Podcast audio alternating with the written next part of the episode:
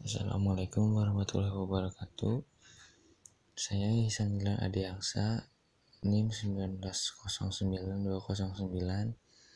dari kelompok 7 Pendidikan Pancasila. Dalam podcast kali ini, dalam podcast saya, saya akan menjelaskan bab 3 yang berisikan metode penelitian yang dibagi menjadi tiga Kesatu merupakan pendekatan kualitatif. Penelitian ini menggunakan penelitian studi kasus karena kami melakukan penelitian ini dengan adanya kasus yang terjadi di kalangan mahasiswa UPI yaitu penyalahgunaan makalah online oleh mahasiswa UPI. Kasus yang kami yang teliti ini di wilayah atau di lingkungan kampus UPI saja dan kami meneliti seberapa sering mahasiswa UPI yang menyalahgunakan makalah online tersebut. Dalam penelitian ini, kami memerlukan data dari mahasiswa yang ada di lingkungan kampus UPI. Maka dari itu, kelompok kami menggunakan angket untuk disebarluaskan secara online kepada mahasiswa UPI.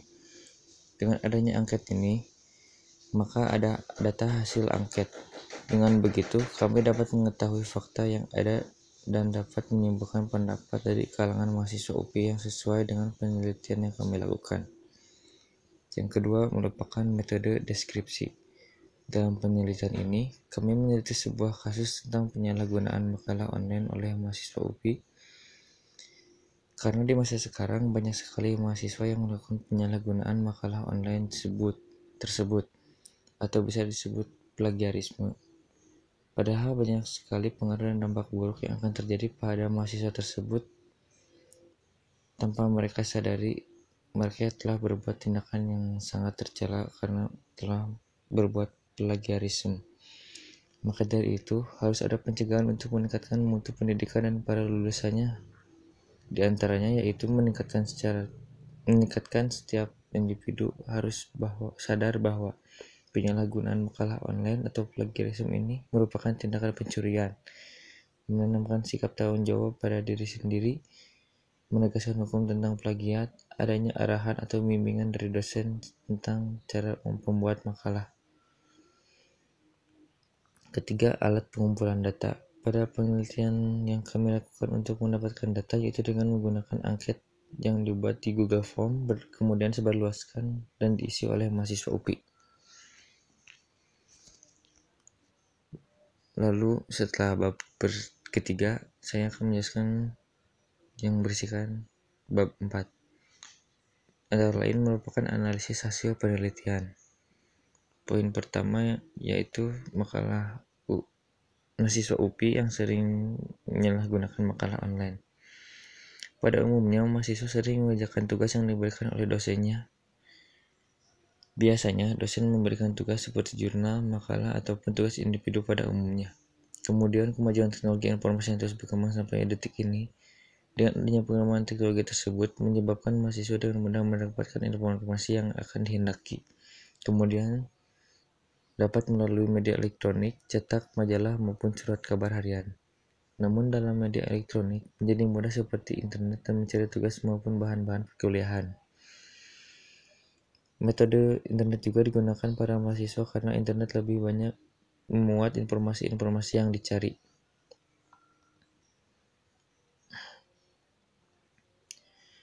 Lebih ekonomis apabila mereka harus membeli sebuah buku sumber. Bisa didapatkan kapan dan di saja, tetapi para mahasiswa sering menyalahgunakan tindakan tersebut. Kemudian hasil dari penelitian kami yang yang kami lakukan dengan menggunakan metode kualitatif yaitu dengan menyebarkan angket kepada siswa setiap mahasiswa UPI bahkan bukan dari mahasiswa UPI dengan menyebarkan angket sebagai bahan untuk mencari informasi di lapangan kami mendapatkan jawaban yang dapat membantu penyelesaian makalah ini. Hasil dari 32 survei yang mengisi angket tersebut sebanyak 27 orang berpendapat bahwa sering melakukan penyalahgunaan makalah online atau plagiarisme. Karena keterbatasan fasilitas seperti buku tidak ada mencari ke perpustakaan tidak ada dan akhirnya para mahasiswa menggunakan makalah online tersebut kemudian karena malas untuk berpikir dan karena malas untuk berpikir juga mahasiswa melakukan hal tersebut tetapi 5 dari 32 orang berpendapat bahwa tidak melakukan bahwa tidak pernah melakukan penyalahgunaan makalah online atau plagiarisme karena akan merugikan pihak yang membuat makalah.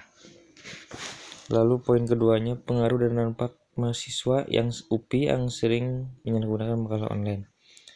Dalam sebuah tindakan yang tidak baik saja akan ada pengaruh dan dampaknya seperti seperti sering melakukan penyalahgunaan makalah online atau disebut dengan plagiarisme. Tentu saja banyak sekali pengaruh dan dampak bagi mahasiswa UPI. Dampak dari penyalahgunaan makalah online tersebut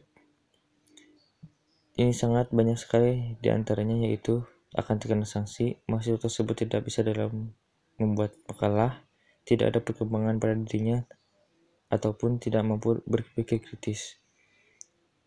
Ketiga, poin ketiga, cara mencegah mahasiswa UPI yang sering menyalahgunakan makalah online. Beberapa cara untuk melakukan pencegahan tersebut beberapa cara untuk melakukan pencegahan tersebut antara lain mahasiswa UPI di antaranya itu meningkatkan setiap individu harus sadar bahwa penyalahgunaan makalah online atau plagiarisme merupakan tindakan pencurian. Tanamkan sikap tanggung jawab pada diri sendiri, menegaskan hukum tentang plagiat, adanya arahan atau bimbingan dari dosen tentang cara pembuatan makalah, jurnal, jurnal dan lain-lain. Sering membaca karena sering membaca ini, maka wawasan akan semakin luas, kemudian memberi keterangan pada mahasiswa sebagai sumber-sumber yang boleh dan tidak boleh dicantumkan. Sekian dari saya Sanjilan tentang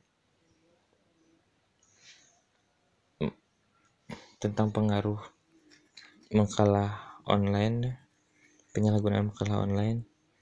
Sekian podcast dari saya. Assalamualaikum warahmatullahi wabarakatuh.